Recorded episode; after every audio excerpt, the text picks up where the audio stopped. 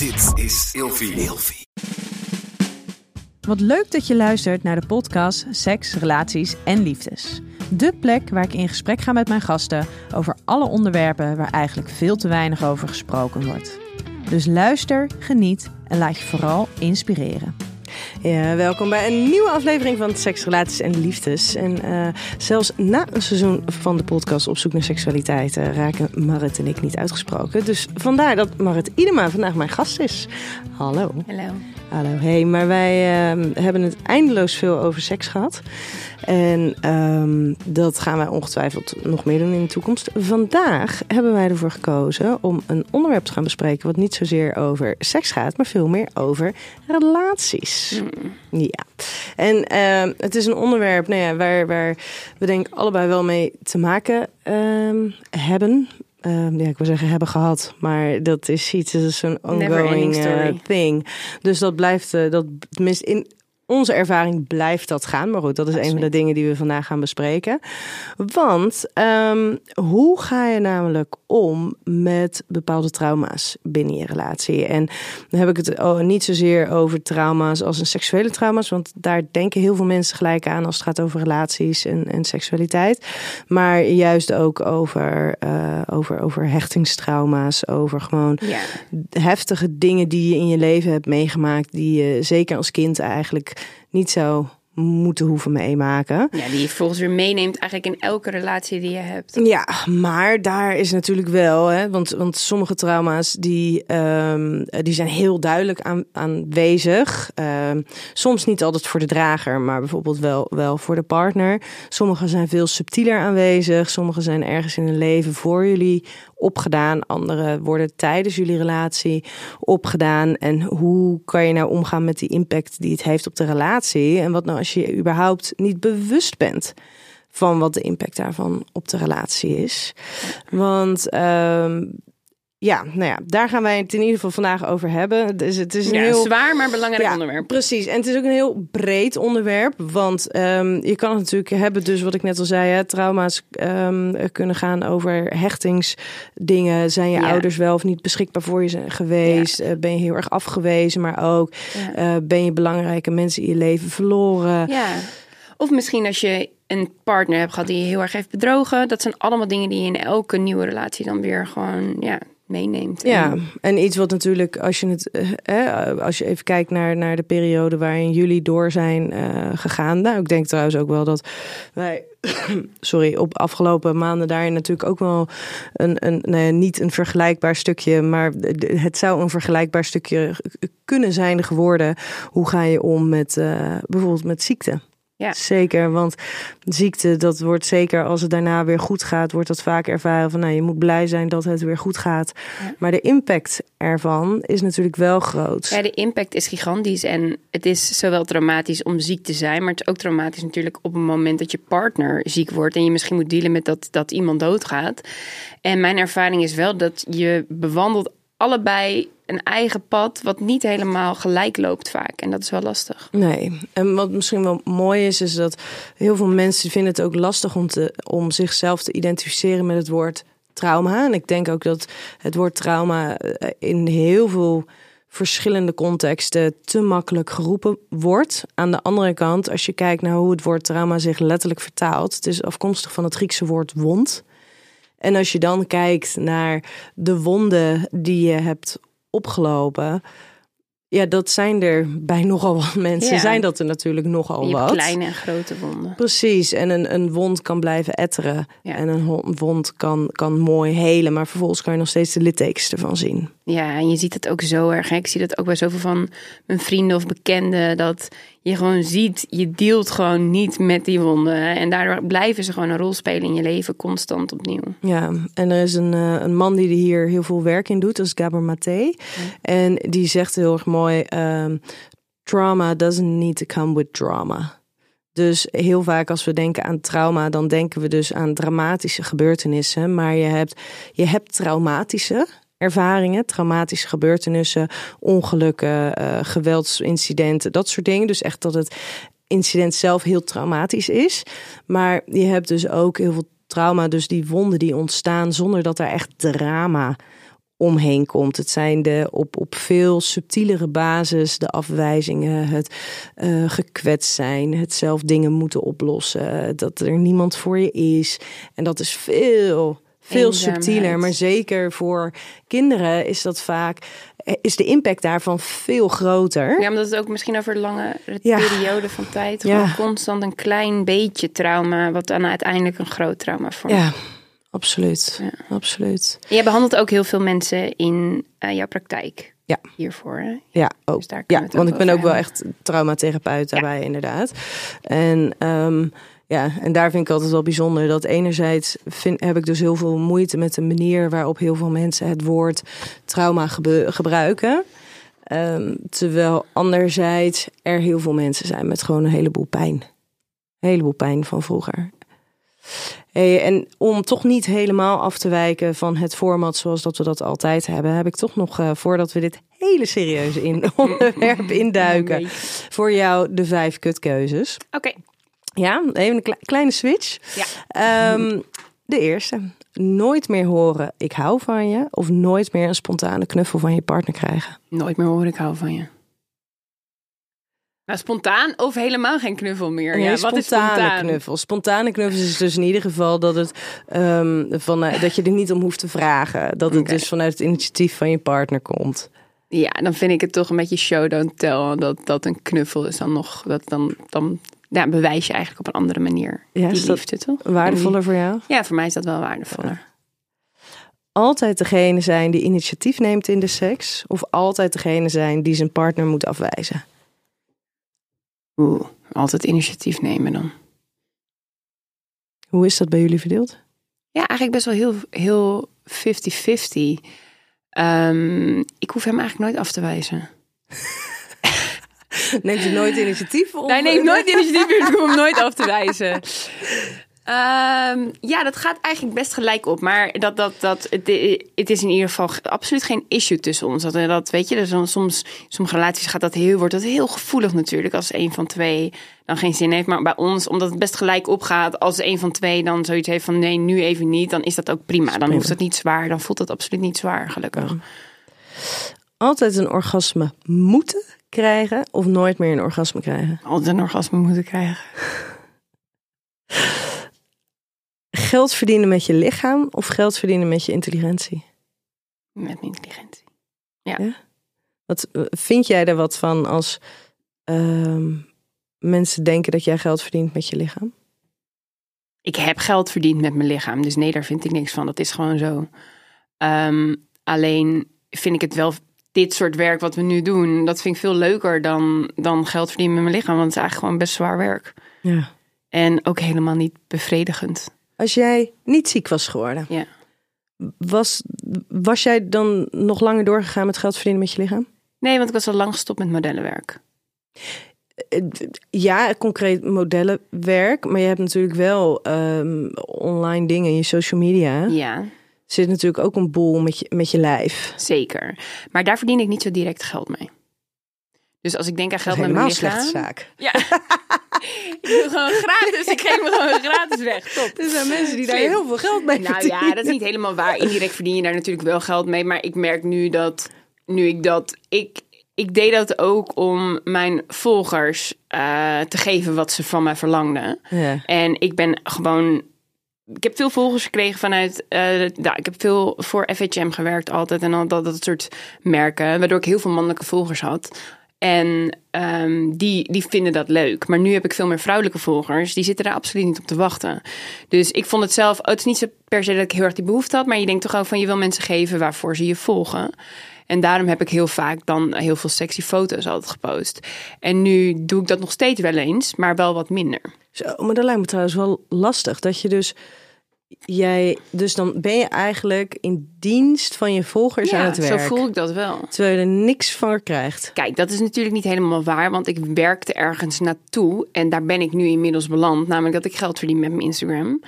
En ehm, voordat je geld met iets gaat verdienen, is gewoon een enorme investering. Dat weet je zelf ook. En ja, dus ik heb gewoon heel hard gewerkt voor geen geld lange tijd voor Instagram. Maar nu betaalt dat zich uit en nu pluk ik daar de vruchten van. Maar het is eigenlijk wel bijzonder, hè? Dat dan, dus je hebt in die periode van investeren. ehm, heb je je dus eigenlijk gericht op, nou ja, op, op, op je seksappeal, op mannen bereiken?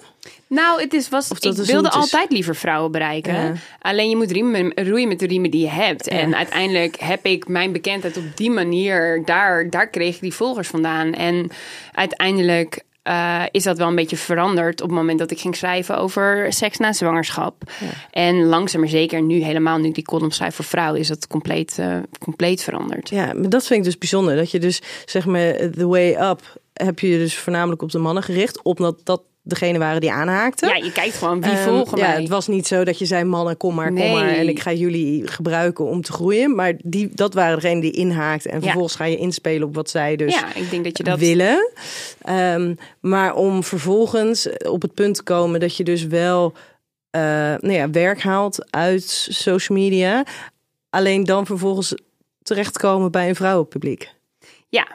ja, en nu is het wel een beetje gemengd. Maar als je kijkt naar. Ik bedoel, mijn account kan niet meer verschillen nu dan van in het begin. Was het gewoon alleen maar. Omdat ik. be- Kijk, ik ben altijd bezig met wat werkt en wat niet. En dat test ik. En op jaren geleden werkte dat gewoon het best. En nu deel ik natuurlijk heel veel foto's van ziek zijn. En van mijn vriend en mij. En van mijn kind en mij. Ik bedoel, het kan niet verder afzitten van waarmee ik initieel begon. Ja, en dan af en toe ook nog sexy foto's erbij. Af en toe ook sexy foto's erbij. Ja. Want ik vind het gewoon leuk. En eh, ik heb ook nog steeds die mannelijke volgers. En het is ook Ja. gewoon wie ik ben. Ik bedoel, niet altijd, maar het is wel iemand die ik soms ben. En dat Ja. ook, wat ik ook leuk vind om te Ja, maar los, los van dat je dat doet voor de mannelijke volgers, wat ik dus. ehm, waar ik heel benieuwd naar ben. En ik ben zelf niet ziek, dus ik weet niet hoe dat, hoe dat is voor vrouwen die, die zeg maar, jou zien en zich daarin eh, kunnen eh, relateren aan de dingen waar jij doorheen bent gegaan. Maar ehm, ik ben heel benieuwd wat de invloed daarvan op hen is. Of ze dan dus ook zoiets hebben van: oh hé, hey, maar, maar het die kan dus ook en ziek zijn en dus met de kale kop dadelijk in het infuus liggen en vervolgens op date night zijn en dan gewoon hè, er weer heel mooi en verzorgd uitzien. Ook al is het voor jou misschien totaal niet in verhouding met hoe het ooit eens was, maar je doet wel, je stopt wel de moeite erin. Ja, omdat het voor mij belangrijk Ja. is. En dat is ook gewoon echt de realiteit. Kijk, 9 van de 10 keer zie ik er totaal van rot uit. Maar die tiende keer doe ik heel erg mijn best om er mooi uit te zien. Omdat dat op het moment dat ik er zo uitzie, voel ik me ook weer een beetje mijn oude zelf. Dus dan kan ik ook makkelijker die rol aannemen en iets leuks doen. En dan op die manier er het beste van maken. Maar dat betekent niet, kijk, ik wil wel laten zien van dat kan. Ik zet er ook altijd bij, het kost veel moeite. Ik bedoel, je moet met nepwimpers werken, je moet met haarstukken werken, je moet veel make-up dragen. Als je er nog echt iets van wil maken, ja, dan moet je gewoon wel de uren eh, erin stoppen. Dus dat zet ik er ook wel altijd bij van. Het is niet zo dat ik op die manier zo wakker word. Ik wil niet mensen het verkeerde idee geven van, oh, ze heeft kanker, maar ze ziet er nog altijd zo uit. En ik denk dat op het moment dat je dat erbij zegt, dat, dat mensen het misschien ook wel kunnen zeggen van, oké, het, het kan wel nog. Kijk, ik krijg heel vaak berichten van vrouwen die zeggen van, oh, ik vind het heel fijn om jou te volgen, want daardoor weet ik nu gewoon beter van, oké, ik ga er, dit gaat er allemaal gebeuren, maar ik kan er nog steeds op die manier mee omgaan. Ja, ook Ik kan al, nog steeds al- wisselen van rol. ja. En ook al Als je dat wil, hè, als je daar de energie voor hebt. Ik krijg ook heel vaak berichten van vrouwen die zeggen: Waar de fuck maak jij je druk om? Weet je, je bent ziek, hoezo doe je al die moeite? Maar voor mij is dat belangrijk. ja, omdat je het ook leuk vindt. Ja, omdat ik het leuk vind en omdat het voor mij altijd belangrijk is geweest. Mijn uiterlijk is altijd belangrijk geweest. En ik vind het leuk voor inderdaad voor, voor mijn relatie. En eh, ja, het is voor mij is het, is het gewoon een deel van wie ik ben. En ook tijdens mijn ziek zijn periode. Ja, en, en ik, het lijkt me ook wel heel fijn als je, ehm, als je eens een keer niet bekeken wordt door de ogen van anderen. En dan, in, nou ja, als je op date night bent, specifiek in de ogen natuurlijk van je, van je, van je vriend. Als degene die ziek is. Precies. Maar dat je gewoon even andere gesprekken kan voeren, je Ja. anders kan voelen. Ja, dat zeggen ook heel veel mensen die ziek zijn geweest. Dat het heel moeilijk om af te komen van die patiënt-mantelzorger verhouding waar je in komt te zitten met z'n tweeën. Dus die, dat is zo'n dynamiek die denk ik niet per se op de lange termijn zeker niet goed is voor je relatie. Dus juist door inderdaad dit soort dingen te plannen en juist ook al heb je weinig energie om je er zelf toch- even toe te zetten af en toe, hè. Ja, dan denk ik wel dat het inderdaad goed is om inderdaad te realiseren van je bent meer dan alleen maar dat zieke dode vogeltje op de bank. Want met alles wat, wat zo'n zo'n ziekte vraagt, ehm, je hele leven gaat erom draaien, je hele gezin gaat erom draaien. Ehm, het, het is heel makkelijk om in die rol te blijven zitten. Zeker. Ja, nou moet ik eerlijk zeggen dat ik denk dat als je een hele verzorgende partner hebt, dat dat wel nog moeilijker is. En mijn vriend is meer van ja, toen ik half aan het sterven was tijdens de chemotherapie, dan, dan had hij wel zoiets van oké, nu is het echt serieus. Maar hij heeft wel heel vaak gewoon zoiets van kom op, wel een beetje doorwerken. Ja. Dus het ligt ook aan ja, wat voor persoon. Ik ben zelf denk ik ook zo, zoals hij. Een beetje wat nuchterder, wat... Nou, ik weet niet of het nuchter is, gewoon ook wel gewoon ja, hard als je eigenlijk. half ligt te sterven, dan Ja, hard. is ik moet echt, Ik moet echt heel erg voor mezelf opkomen hoor. Ik moet Ja. echt tegen hem zeggen van... Het is ook lastig omdat ehm, tijdens die allerergste chemo... Tijdens het allerergste chemodal was het zo duidelijk dat ik heel ziek was.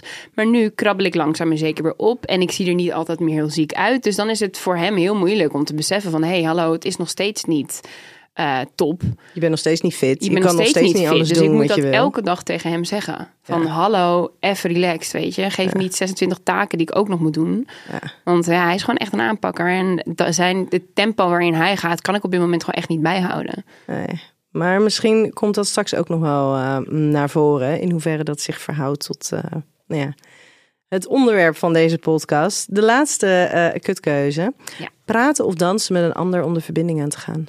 Oeh, verbinding of als voorspel? Nee, verbinding. Nou, dan praten natuurlijk. Ja? Ja, in een relatie. Maar ik vind wel, als ik bijvoorbeeld een nieuwe man ontmoet, dan is dansen wel voor mij. Het kan hè, niet altijd. Ik bedoel niet zo dat, mijn, mijn, dat de mannen waarmee ik seks heb altijd enorme dansskills moeten hebben. Maar het is wel een manier om het te verleiden als je heel goed kan dansen en smooth bent daarin. En dat ik denk van oké, dit kan wel eens werken. Oh, ik was afgelopen. ehm, voor mij zou het namelijk in alle situaties namelijk absoluut dansen zijn. En- Alle? Ja, Maar ook in je relatie met, met Ramon. nee, want hij danst niet. Nee, oké, dus dus daarom daar is je al. En dus hij kan heel goed gabberen. En als Oh, hij dat doet, dan kan ik denken: hé, hey, wat tof. Kan ik niet met hem meedoen. Maar kan ik dus wel denken: hé, hey, wat tof. Maar wij moeten niet samen dansen. Nee, maar ehm, eh, ik heb dus afgelopen, of eh, vorige week was dat, toen was ik naar het eh, Bluesfestival in, in Delft. En daar heb ik dus echt tot één uur s'nachts eh staan dansen met een 80-jarige oude man. Nou, en hij, nee, maar echt, echt, zeg maar, swingen en draaien Ah, en gaan. En het was een man en die was heerlijk. Was hij in zijn eentje naar die muziek aan het luisteren. En het was een hele frisse man trouwens, moet ik even bij zeggen. Het was een hele, ja, een hele charismatische man. En die tikte me op een gegeven moment aan. En die zei, oh, kan je, kan je, kan je, kan je, kan jij swingen? Dus toen zei ik, nou ja, we kunnen een Kun poging wagen. Ja. Nou, en het was zo leuk. Het was zo fijn. En dan, ja, ik vind, ik vind dat zo leuk om te doen vind met het ook iemand. heerlijk. Ja. Nou, en, maar dat was dus absoluut niet eh, in de verbinding als in Dat je dat er nog even bij zegt. Nou, ik had een 80-jarige man, hele avond mee geschuurd. Oh, nee, nee, nee. Zeker niet, zeker niet. Er is ook geen fysiek contact geweest. Want het was een ouderwets soort dans, hè. Dat gaat dat ja. toen even wat anders. Handje op de billen. hey, ehm, ja, wat ik net al zei, hè. Wat je, de- de, de manier waarop jouw, eh, jouw vriend reageert op het moment dat jij er half dood ligt te gaan. Maak er maar even wat, eh, wat luchtigs van. Hè? Ehm, dat is juist, ja, dat lijkt er juist een beetje hard en een beetje aan doorpakken. En, en het lastig vinden om daarin continu af te stemmen. Ehm, denk jij dat daar iets in zit van het lastig vinden om zich op die manier ehm, te realiseren hoe kwetsbaar en fragiel de situatie is? Ik denk dat, dat als je kijkt naar onze dynamiek, ik ben altijd. Ik wil niet zeggen dat ik de sterkere ben geweest, want hij is zelf ook super sterk. En hoe hij omgaat met zijn eigen jeugdtrauma's is juist heel sterk. Maar ik ben, omdat hij heeft een hele moeilijke jeugd gehad, ben ik veel meer dan in andere relaties, ben ik zijn, zijn fundament. En ik ben, ik wil niet zeggen dat dat klinkt te dramatisch, dat ik, dat ik ouder en vriendin in één ben. Maar soms is dat wel zo. Ehm, in dat opzicht ben ik wel heel belangrijk en hij leunt op mij.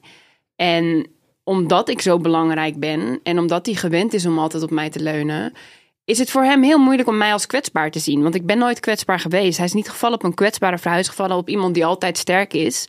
En dat is voor hem heel fijn dat ik altijd sterk ben, zodat hij zich om mij geen zorgen hoeft te maken. Want hij heeft al genoeg waar hij zichzelf zorgen om maakt.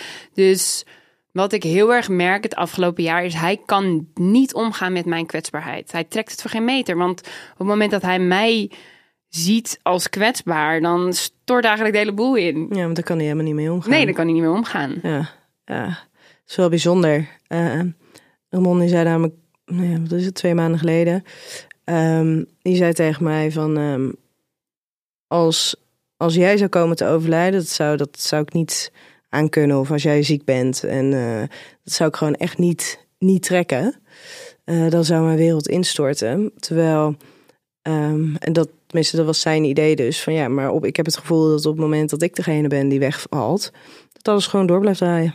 Ja, en dat zegt, dat zegt mijn vriend precies hetzelfde. Ja. Hij zegt, ik ga zoveel liever zelf dood ja. dan dat jij doodgaat. Want dan denkt hij ook, ja, de, ook de opvoeding of whatever. Terwijl dat onzin is. Ik bedoel, uiteindelijk heb ik wel echt geleerd dat als je dus nou ja, voor een is dat dus blijkbaar anders. Um, maar op het moment dat je dus te maken krijgt met dat soort doodsangst. Ik besefte echt gewoon, ik heb echt duizend keer liever dat hij doodgaat dan dat ik zelf doodga. Dat is wel gewoon, oh, je kan wel zeggen van ik hou zoveel van, van, van hem. Maar er is maar één iemand waarbij ik denk van ik ga mijn leven geven en dat is mijn kind. Voor de rest zou ik, weet je, het leven is zo fucking kostbaar en zo belangrijk. En ik hecht er zoveel waarde aan dat voor mij, het was echt heel duidelijk. Toen ik dus dacht van misschien ga ik dood een tijd lang. Um, toen ik nog niet wist of het uitgezaaid was, mijn kanker. Toen wist ik echt heel sterk van oké, echt sowieso liever ik dan jij. Of eh, sowieso liever jij dan ik. Heftig hè? Uh, ja, weet ik niet. Is dat heftig? Weet ik niet. Heel veel mensen vinden het heftig. Heel veel mensen zeggen, oh, ik heb liever dat ik zelf doodga. Maar ik heb echt duizend keer liever dat dan... Ik bedoel, ik wil niet dat hij doodgaat. Hè? Laten we dat voorop stellen. ik wil dat we allebei niet doodgaan. Maar toch... Ja, ik kijk hoe hard dat ook klinkt. Dat zeg ik ook elke keer tegen hem, weet je. Uiteindelijk zijn we super veerkrachtig. Mensen überhaupt, maar wij zeker. En op het moment dat hij doodgaat... Ik ga heus wel weer een manier vinden om gelukkig te zijn. En er is zoveel... Dus ik vind mijn weg wel. Maar voor hem is dat idee dat ik er niet meer ben. Hij, hij kan daar. Dat, dat, dat is te groot om te bevatten. Dus daarom kan hij daar ook geen rekening mee houden. Hij kan letterlijk, als ik überhaupt een angst uitspreek van we weten niet zeker of mijn kanker wel of niet terugkomt. Hij kan daar niet over praten. Nee. Nee, maar die ben ik. Die, dat, vanuit dat perspectief. Ehm, dus dan zou je bijna zeggen, dus dan gun ik hem eerder dat hij degene is die komt te overlijden dan dat jij dat bent. Omdat jij weet, ik, ik, zou, ik zou mijn leven op den duur weer kunnen oppakken. Ik zou kunnen doorgaan. En, en ik zou misschien zelfs wel weer de liefde kunnen vinden en gelukkig kunnen worden. Terwijl je daar er niets van op aan kan dat hij dat ook kan. Zonder zichzelf daarin kwijt te raken. Ja, dat, dat is ergens wel zo. Maar ik heb wel heel veel vertrouwen in hem. En misschien wel meer dan hij in zichzelf heeft. Ik geloof wel dat hij dat kan.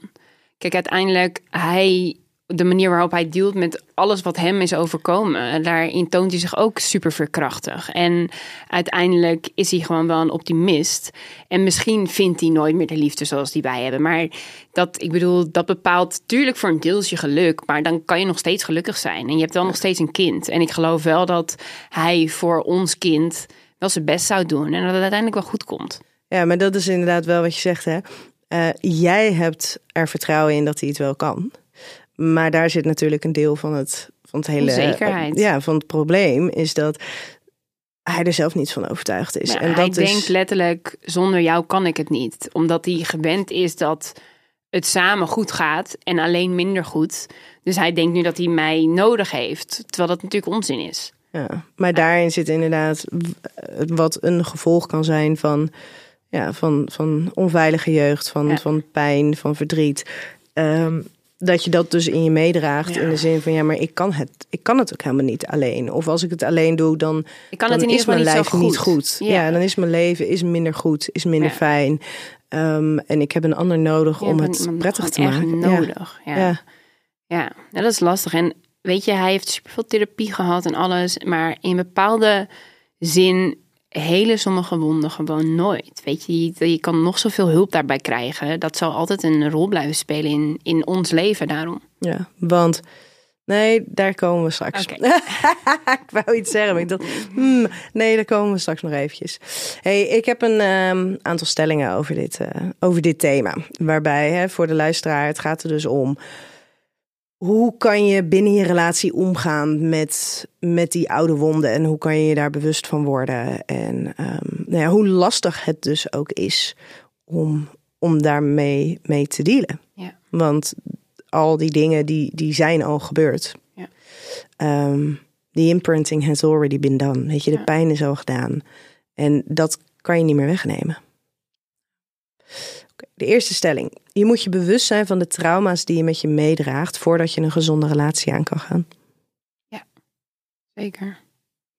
Ja, want op het moment dat je je daar niet bewust van bent, als je je niet bewust bent dat je verlatingsangst hebt, dan wordt het gewoon zo moeilijk. Omdat je de hele tijd tegen iets aan het vechten bent terwijl je niet eens weet wat dat is.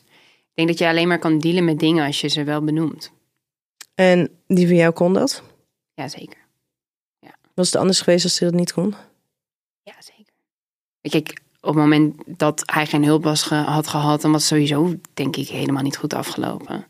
Weet je, dan, ik bedoel, hij, ik bedoel, de meeste mensen die zoiets meemaken, die, je kan al hele best destructieve trekjes hebben. Maar dat, dat kan natuurlijk volledig uit de hand lopen. Maar ehm, de- de- hè, j- jij weet wat dingen over, over, eh, over, over mijn partner. Ja, Ehm, toen wij elkaar ontmoetten was hij zich absoluut niet bewust van zijn trauma's. Ik denk juist dat hij misschien een beetje het geluk heeft gehad. Dat hij zo'n droogkloot als ik tegenkwam. En ehm, dat ik nou ja, ook mijn werk deed, wat ik, wat ik doe. En dat dat wellicht zijn manier is geweest om überhaupt daarin een beetje te kunnen gaan helen van dingen. om zijn keuze ook voor jou, dat hij... Ja, kijk, wat je, kijk, sommige trauma's zijn zo obvious en andere, wat je zegt, zijn minder duidelijk, weet je. Dus dat is wel lastig. Ik denk dat juist dan een relatief klein trauma misschien eerder de kans krijgt om heel erg door te etteren. Terwijl zo'n gigantisch trauma, dat het al, ja, je loopt zo snel tegen de lamp. Ja, en dan is het natuurlijk wel lastig, want wat definieert een gigantisch trauma? En wat, wat definieert dat? Dat, Ja, dat is, dat dat is een hele goede vraag. Dat is ook voor iedereen anders. Ja, dat ligt natuurlijk in, heel erg in de manier waarop je er zelf, Ja, eh, nou niet eens zozeer mee om bent gegaan, maar gewoon überhaupt de hele Ja. context en Ja. de betekenis die daaraan is gegeven en, Ja. en of er überhaupt gelegenheid is geweest om, om daar een stukje te helen. Ja. Ja, en bij mij, mijn, mijn vriend, die was eigenlijk op hele jonge leeftijd. Was het al heel duidelijk dat hij getraumatiseerd was. Waardoor zijn opa bijvoorbeeld heel erg heeft ingegrepen. Die zag gewoon van: oké, wat er gebeurd is met jouw ouders, dat heeft je zo beschadigd. Dus hij was al op zijn zevende, had hij al therapie. Oh, wauw. Ja. Dus dat heeft hem erg geholpen. Hij heeft eigenlijk zijn hele leven therapie daarvoor gehad. Maar dan is er dus wel altijd ook iemand geweest die Altijd hem heeft geweest. gezien. Absoluut. Dus hij heeft heel veel pech gehad, maar hij heeft ook heel veel geluk gehad. Ja, Dus heel snel ingegrepen. En in dat opzicht, ja, dat is gewoon een enorm privilege natuurlijk. Dat daar ook, dat daar de middelen voor zijn. Dat iemand die moeite in je steekt. Ja, maar dat is niet altijd als vanzelfsprekend. Dat er ook iets, niet. eh, iemand is die ziet van... hé, er absoluut gaat niet. hier iets mis. Absoluut. En daarom denk ik dat... Ik bedoel, die trauma's zijn er, die spelen een rol. Maar er is, valt wel gewoon mee te leven.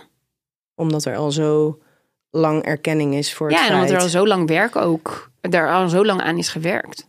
Ja. Dat het, het wordt onderdeel van wie je bent. En, maar ook de oplossing, die is er gewoon al steeds.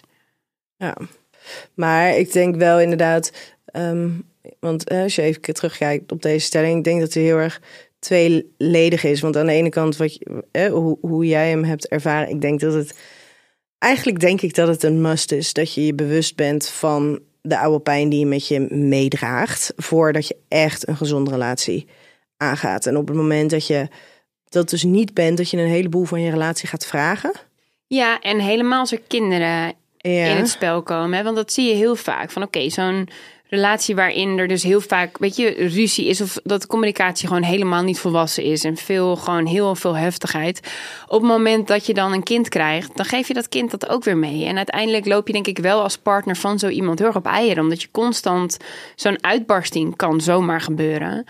En als je daar niet mee dealt, dan zadel je je kind ook weer op met een trauma. En zo blijft dat zo'n vicieuze cirkel. Ja, en wat vaak bij, hè, want je zegt inderdaad uitbarstingen, wat vaak gebeurt bij, eh, bij nou ja, of bij hè, grotere trauma's of bij, ehm, dus, dus op, op kleinere schaal vanaf jongs af aan al niet gehoord worden, al niet gezien worden, afgewezen worden, eh, dat je ouders of verzorgers niet beschikbaar zijn, dus dat je heel erg je, je gaat heel erg leren om je zelf te reguleren, je eigen emoties te reguleren op een manier dat jij, ehm, dus je gaat je heel erg aanpassen op een manier dat je in ieder geval zo min mogelijk afgewezen wordt, zo min mogelijk genegeerd wordt en zoveel als mogelijk een gevoel krijgt: oké, ik, het, nou ja, het is oké ik mag er, Mag zijn. zijn. Alleen dan wel in de volledig aangepaste versie van mezelf. Maar wat je dan krijgt is dat emoties worden dusdanig gereguleerd en, en dus eigenlijk onderdrukt. Hè? Want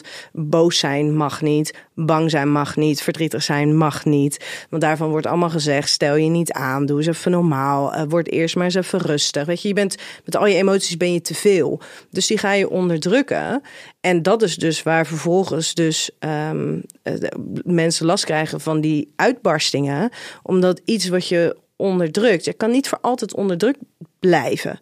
Dus er komen op zijn tijd, precies, er ja. komen inderdaad van die explosies. En daarna wordt het onderdrukken weer Ja. in, in werking gezet.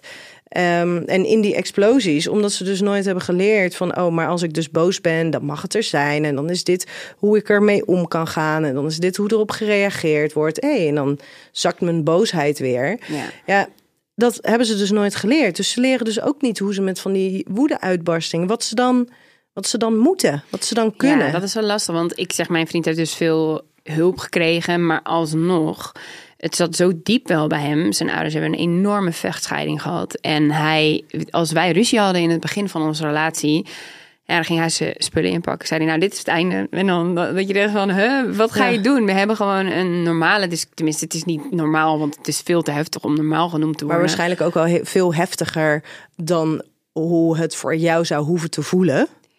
Kijk, ik ben heel heftig. Dus ik flip de pannen uit om dingen. Maar dat betekent niet dat het het einde is. Maar ik zeg je wel hoe het is. En met verhefte stem. En ik heb ook wel heel erg moeten leren. Met mijn ex kon ik heel erg ruzie maken. Zonder dat dat eh, erg was. Maar met mijn huidige partner kan dat niet. Want op het moment dat ik ben zoals ik ben. Dan gaat het bij hem in zijn lijf zitten.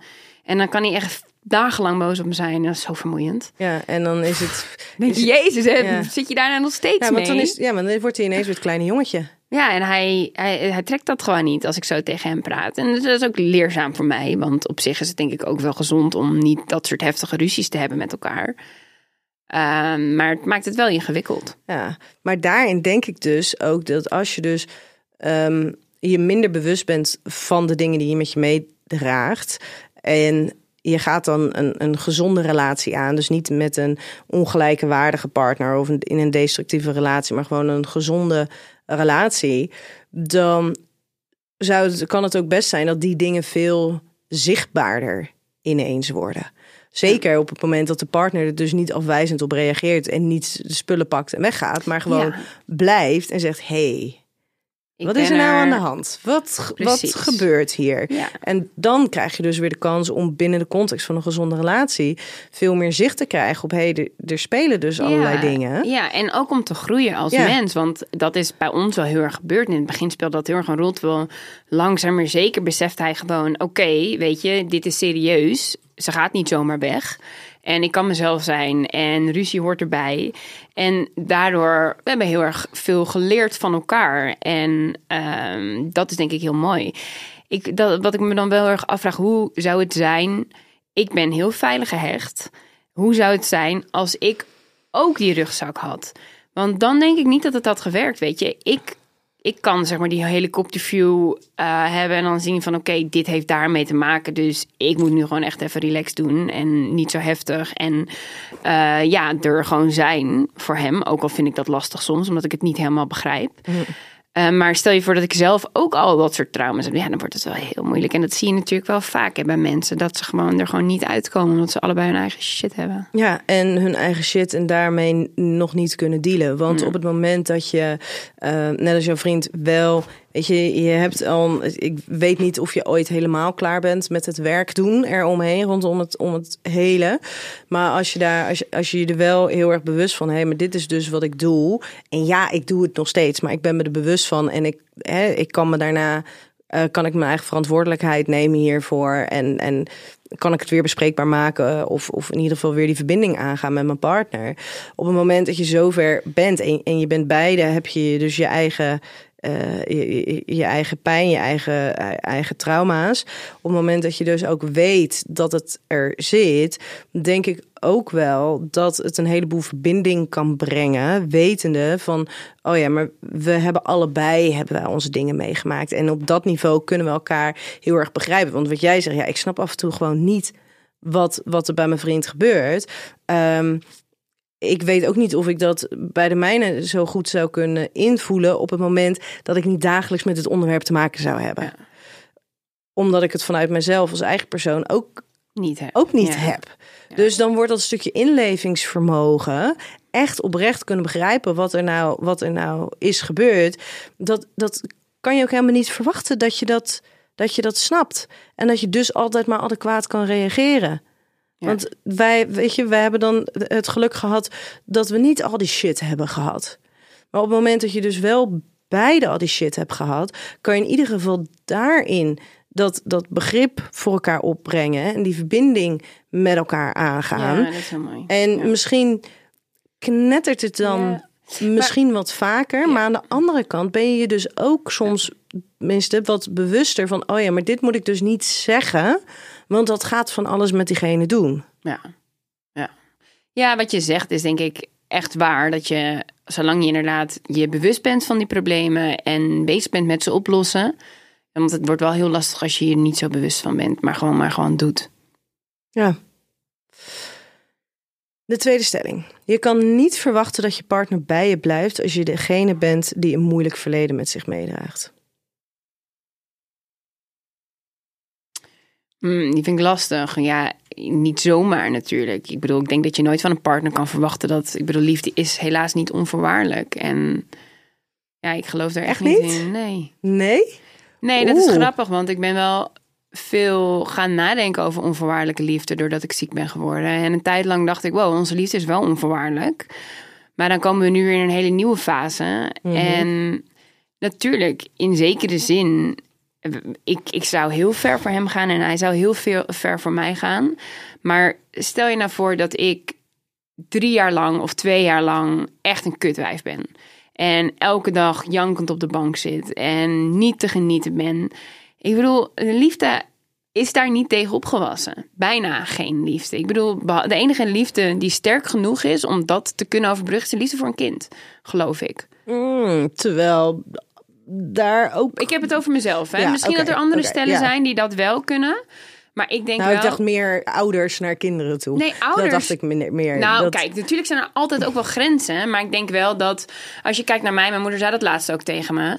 Eh, m- mijn moeder heeft een tijd lang gedacht van... ik hou eigenlijk niet eens meer van jou. Dat zei ze laatst. En dat klinkt heel heftig. Natuurlijk, dat, heeft ze gedacht. Hè, omdat ik me zo ontzettend misdroeg. Jaren en jaren en jaren achter elkaar. Dat je gewoon wel een hekel krijgt aan iemand. En ze zei, dan, dan besef je hoe onvoorwaardelijke liefde werkt. Op het moment dat toen ik belandde in het ziekenhuis om de een of andere, ik moest naar de eerste hulp met iets. En waardoor dan, dan, dan je voelt eigenlijk gewoon aversie bij iemand. Of je hebt zelfs een hekel aan wie iemand op dat moment is in ieder geval. Maar er gebeurt iets en bam. Je voelt meteen van ik hou intens veel van jou. En ik denk dat dat onvoorwaardelijke liefde is. Maar zou je dat- dat niet ook met een partner hebben? Ik denk dat dat in zekere zin met een partner kan, maar dat er een grens aan zit. Kijk, als, als mijn vriend een paar jaar lang niet meer de persoon is waar ik op gevallen ben, dan ga ik niet bij hem blijven. Ja, dat is heel hard, maar op het moment dat ik ongelukkig word van hoe hij is. En kijk, als dat een jaar is, fijn. Als het twee jaar is, kan ik ook nog wel met dealen. Drie jaar misschien. Maar er zit wel een grens aan. Ja, maar zit je, eh, ga je dan niet een soort van twee dingen door elkaar heen laten lopen? Want ehm, ik, ik geloof echt wel heel erg in onvoorwaardelijke liefde. Sterker nog, wat is liefde als die niet onvoorwaardelijk is? Maar ik geloof er ook in dat, dat, dat, dat sommige eh, mensen ehm, maar voor een bepaalde periode in elkaars leven zijn.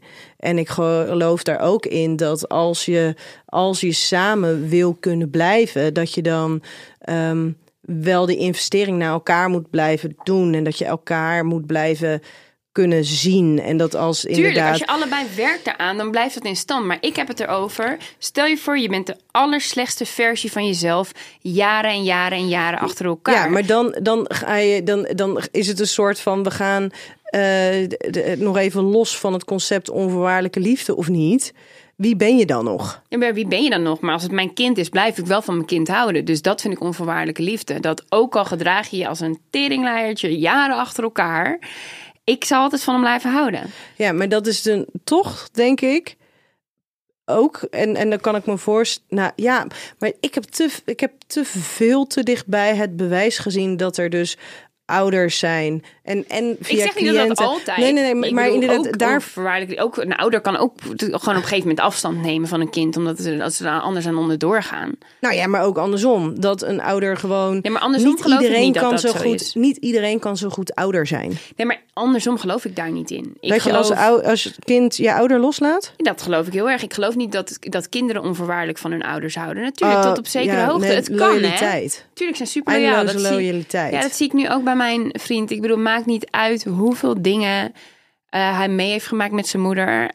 Er zit gewoon een basisliefde die je altijd in stand houdt, waardoor hij altijd zich verantwoordelijk blijft voelen. En hoop inderdaad. Hoop dat het anders wordt. Ja, hoop dat het anders wordt. Dus natuurlijk, er is wel, er, er is wel, er is absoluut iets wat, wat niet snel overgaat. Maar ik denk dat als we het echt over onvoorwaardelijke liefde hebben, dat je er echt ook nog bereid bent om heel veel te blijven geven.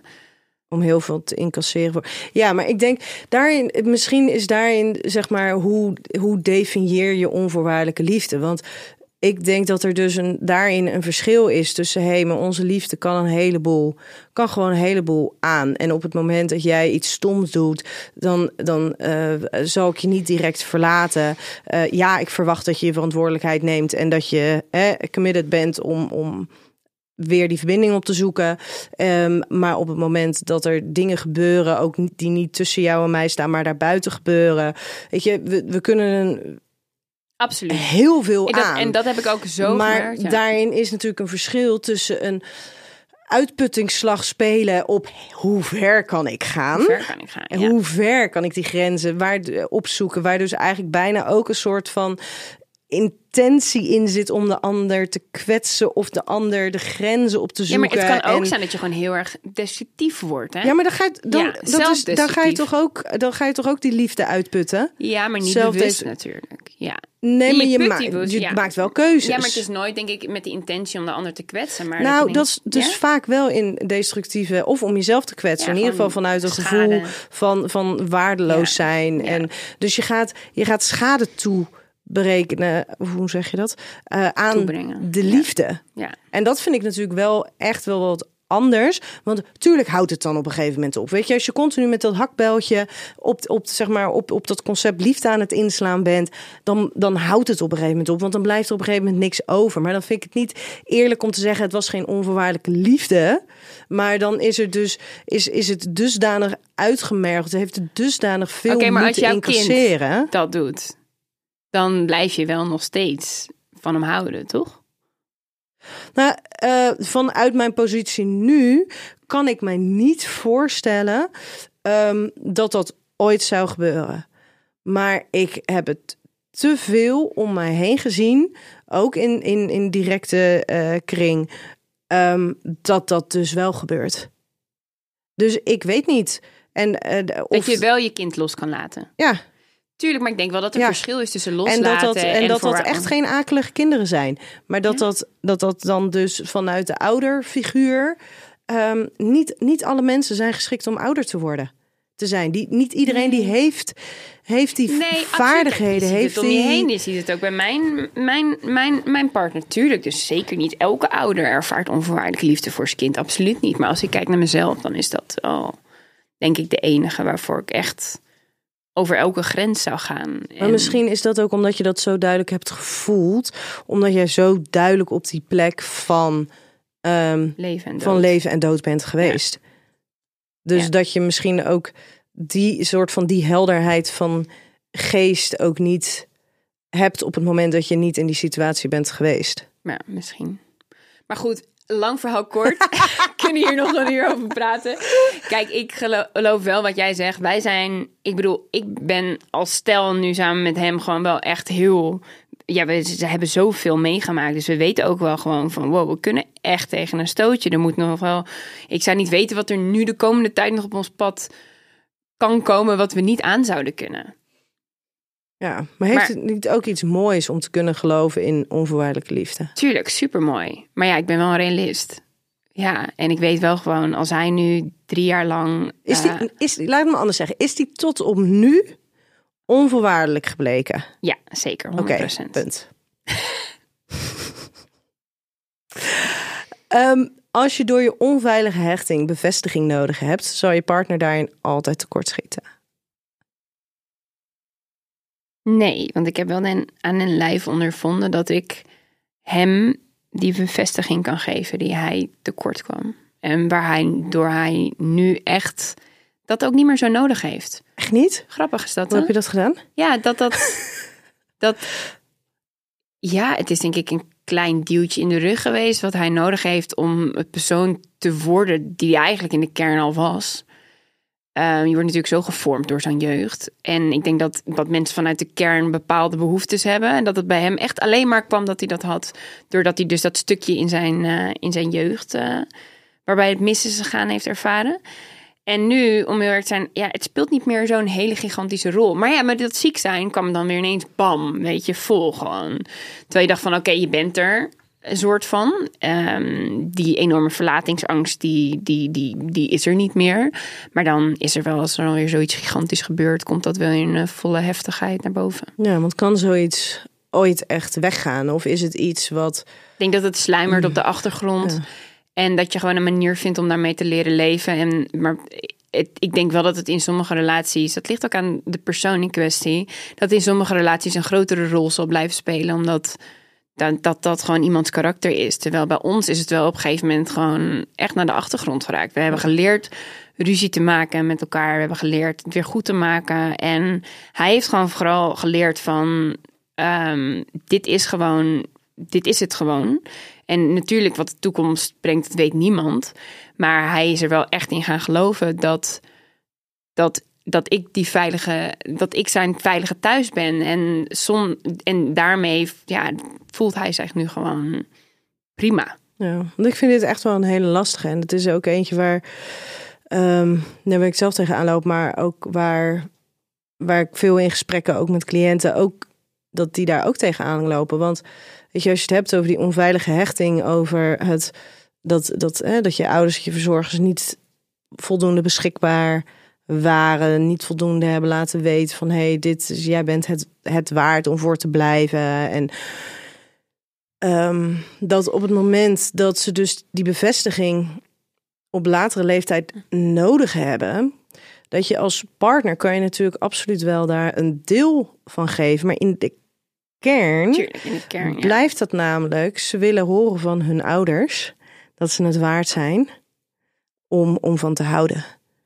En dus als partner zijnde kan je dan nog zoveel van diegene houden en nog zoveel bevestiging Ja. geven in, in welke vorm ja, dat geloof ik dan ook. Als het erop aankomt, Zal je altijd dat missen. is het, is het toch, ja, en, en als partner is het dus ook helemaal niet realistisch dat je dus, en ik denk dat je dat dus ook wel moet realiseren van ja, maar het is niet mijn verantwoordelijkheid om, om die volledige, jou volledig altijd maar te voorzien in die bevestiging, want er is een stuk wat ik never nooit ga kunnen geven en dat is het stuk wat jouw ouders jou niet hebben kunnen geven, Ja.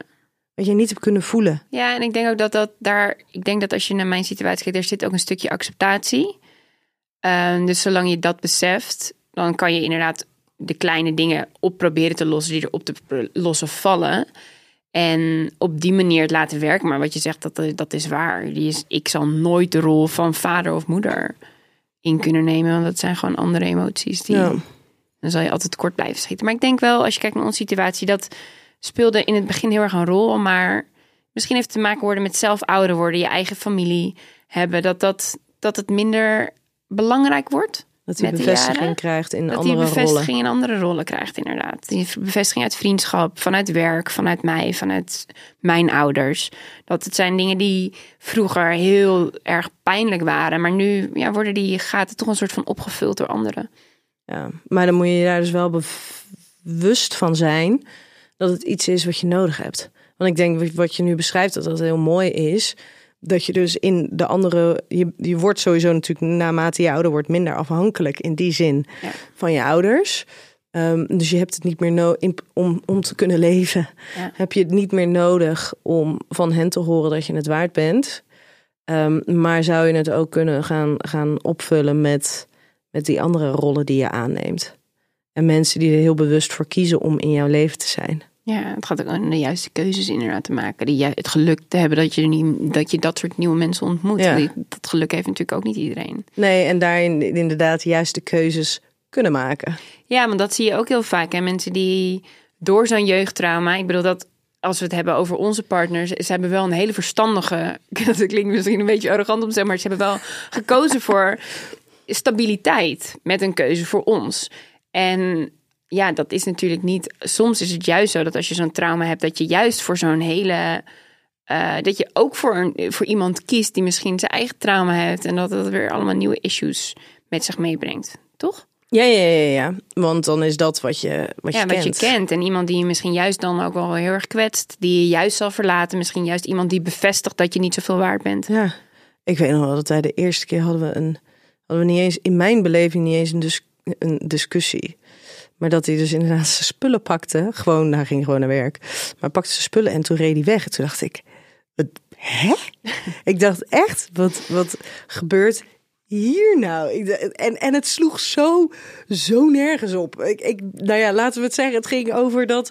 ehm, het verkeerde was gehaald met boodschappen. Weet je, echt zo. Nee, maar ik herken dat. Dat gaat bij ons ook echt dat je denkt, waar de fuck van belang. en, dan, en dan kom je dus inderdaad op het stukje het begrijpen van... Hé, maar wat gebeurt er nou ja, maar in dat die vind ik wel echt ander- moeilijk hoor. Helemaal met mijn persoonlijkheid. Ik heb dan wel echt zoiets van... fucking klein kind, hou even je mond. Weet je, je zeikt zo erg. En dat Ja. zijn allemaal, als ik dat soort dingen zeg... die ben ik altijd gewend om heel erg te kunnen zeggen tegen mijn, of tegen mijn ex-vriend. Dat zijn bij hem allemaal fucking Ja, triggered. nee, ja. Als ik klein kind tegen hem zeg... en soms vind ik hem ook echt een klein kind. Nou, dan heb ik het echt gedaan Ja, hoor. maar het is af en toe echt wel lastig hoor. Want dan wil je dus wil je gewoon iets bespreken. En dan, ja, maar ik heb nu geen zin in een discussie. Je, ik wil ook helemaal geen discussie voeren. Ik wil gewoon even een onderwerp even met je bespreken. Echt Oh. Ja. helemaal niks aan zwaar te zitten in. Ja.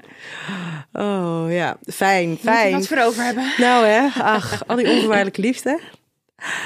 Oké, hey, de volgende. Door te onderschatten wat de impact van jouw geschiedenis is op, je, op jouw relatie, kan het je relatie juist stuk maken. Ja, als je dat onderschat wel. Ja, ik denk dat als je dat bagatelliseert, dat je ook niet helemaal erkent dat je die problemen hebt.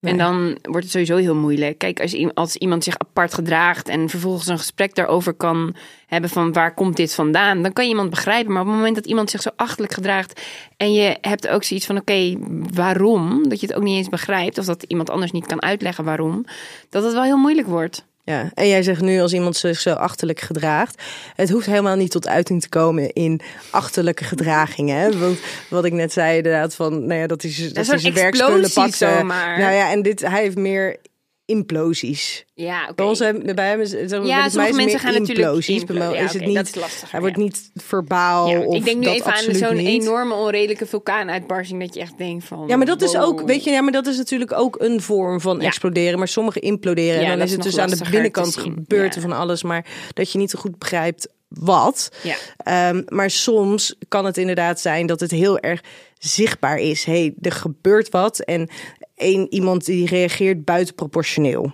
Voor, voor je gevoel. Tenminste, dat is dan degene die niet de pijn met zich meedraagt. Die denkt echt, jeetje, wat, hè? Wat gebeurt hier nu? En soms is dat echt heel erg zichtbaar. Van wow, wat gebeurt hier nu? Maar het is vaak ook heel, heel sluimerend.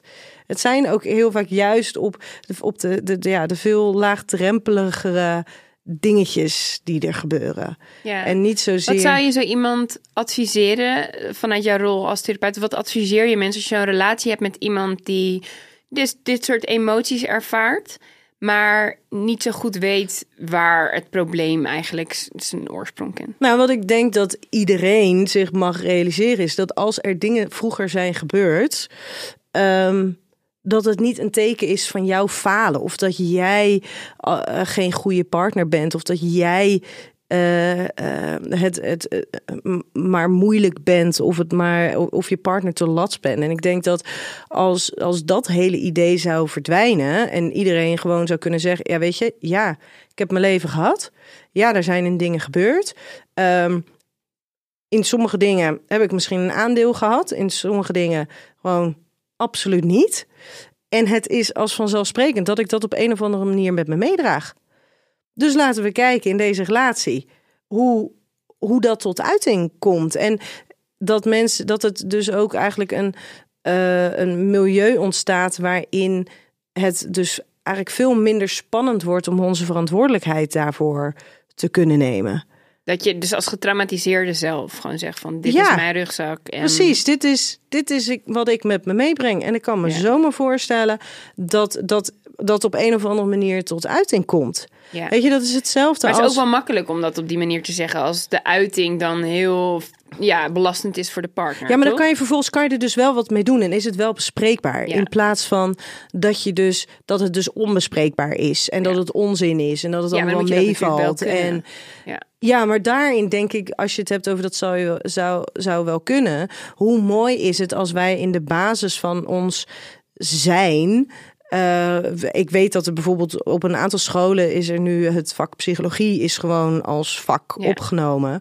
Hoe mooi is het als je in een dergelijk vak al leert van oh ja, wij zijn ehm, wie we zijn geworden door de omstandigheden waar we in zijn opgegroeid. En dat tekent mij als mens. Ja, dus dat En een dat- stukje schaamte eigenlijk wegvalt. Waardoor je de- duidelijker kan zijn van dit ja, hey, is dit- er allemaal gebeurd. En het is Ja. oké dat ik daardoor wonden heb. precies. En denk je dat iemand dan altijd therapie nodig heeft? Eh, nou, het ligt, het ligt aan. Want ik denk dat heel veel therapie zit hem in het, het wegnemen van de verantwoordelijkheid. In het delen van, het, van de dingen die je hebt meegemaakt. eh, meer laten begrijpen eh, waarom bepaalde dingen zo zijn gebeurd. Ja. En op het moment dat jij dus, hè, dat zeiden ze dus vroeger al, of dat zeggen ze ook wel eens van ja, de beste vorm van therapie is eigenlijk dat mensen gewoon socialer moeten gaan worden en meer Dat er naar je geluisterd wordt? Precies, en dat er gesproken wordt weer ouderwets met buurvrouwen. En weet je, dat soort ehm, sociale systemen waarin problemen gedeeld worden. En wanneer je gehoord wordt en getroost wordt. En dat dat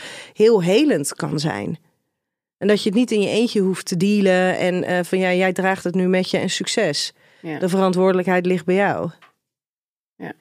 Dus als je, als, als je daarin ehm, al veel meer zou, zou meekrijgen, zou leren van hé, hey, als er dingen gebeuren, ja, dan is het als vanzelfsprekend dat je dit op een keer tegen gaat komen. En als je dat dan dus op een gegeven moment tegenkomt, dat het dan dus ook makkelijker wordt om te zeggen, ja, er gaat even iets niet helemaal lekker.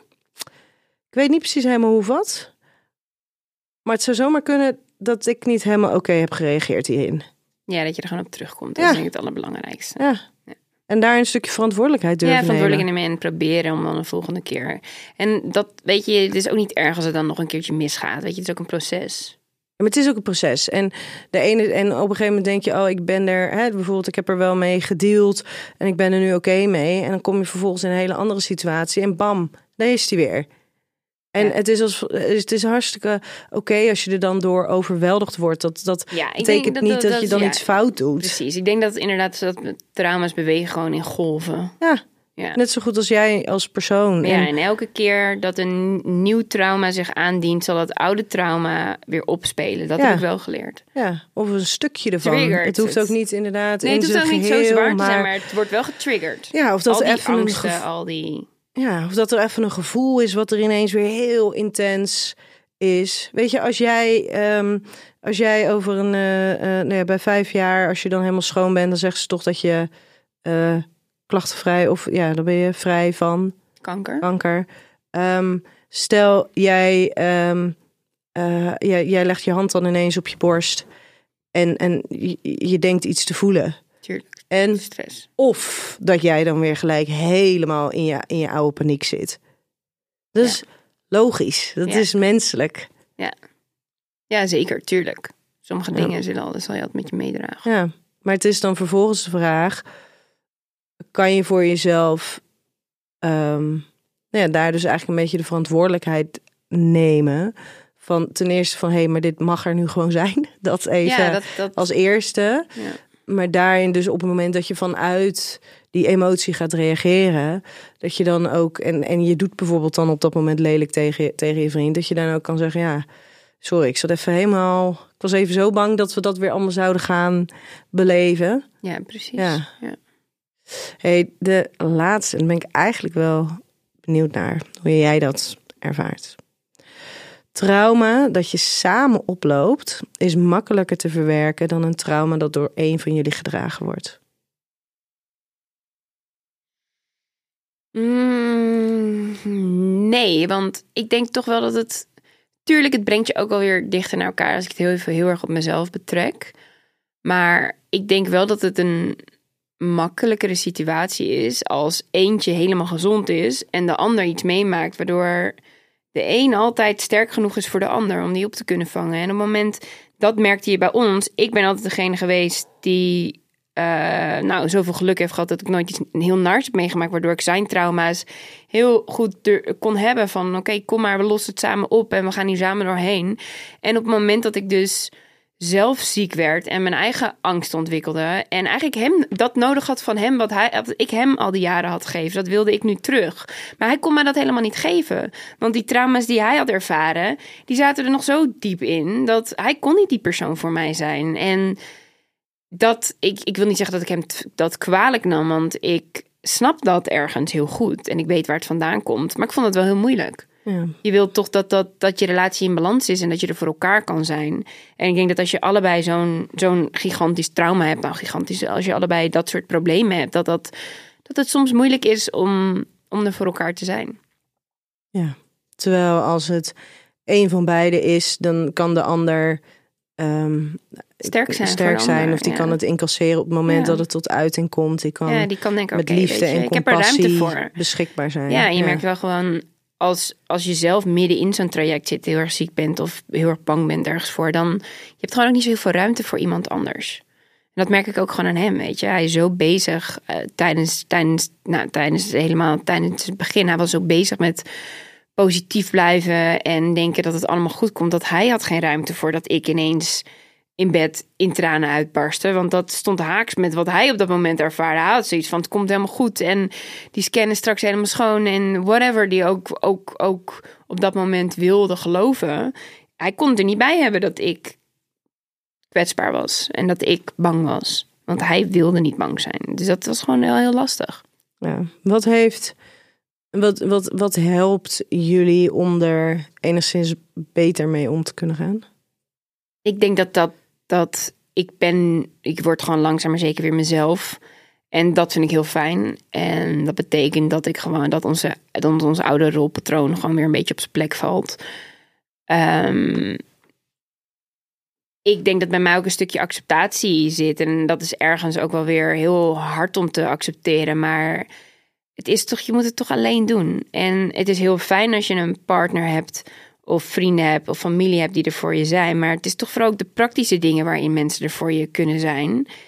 En dat echte gevoel van angst en dat echte gevoel van ook wel eenzaamheid, daar moet je toch zelf mee dealen. Dus ik heb wel gewoon in het begin had ik gewoon wel zoiets van: hallo, ik voel me zo.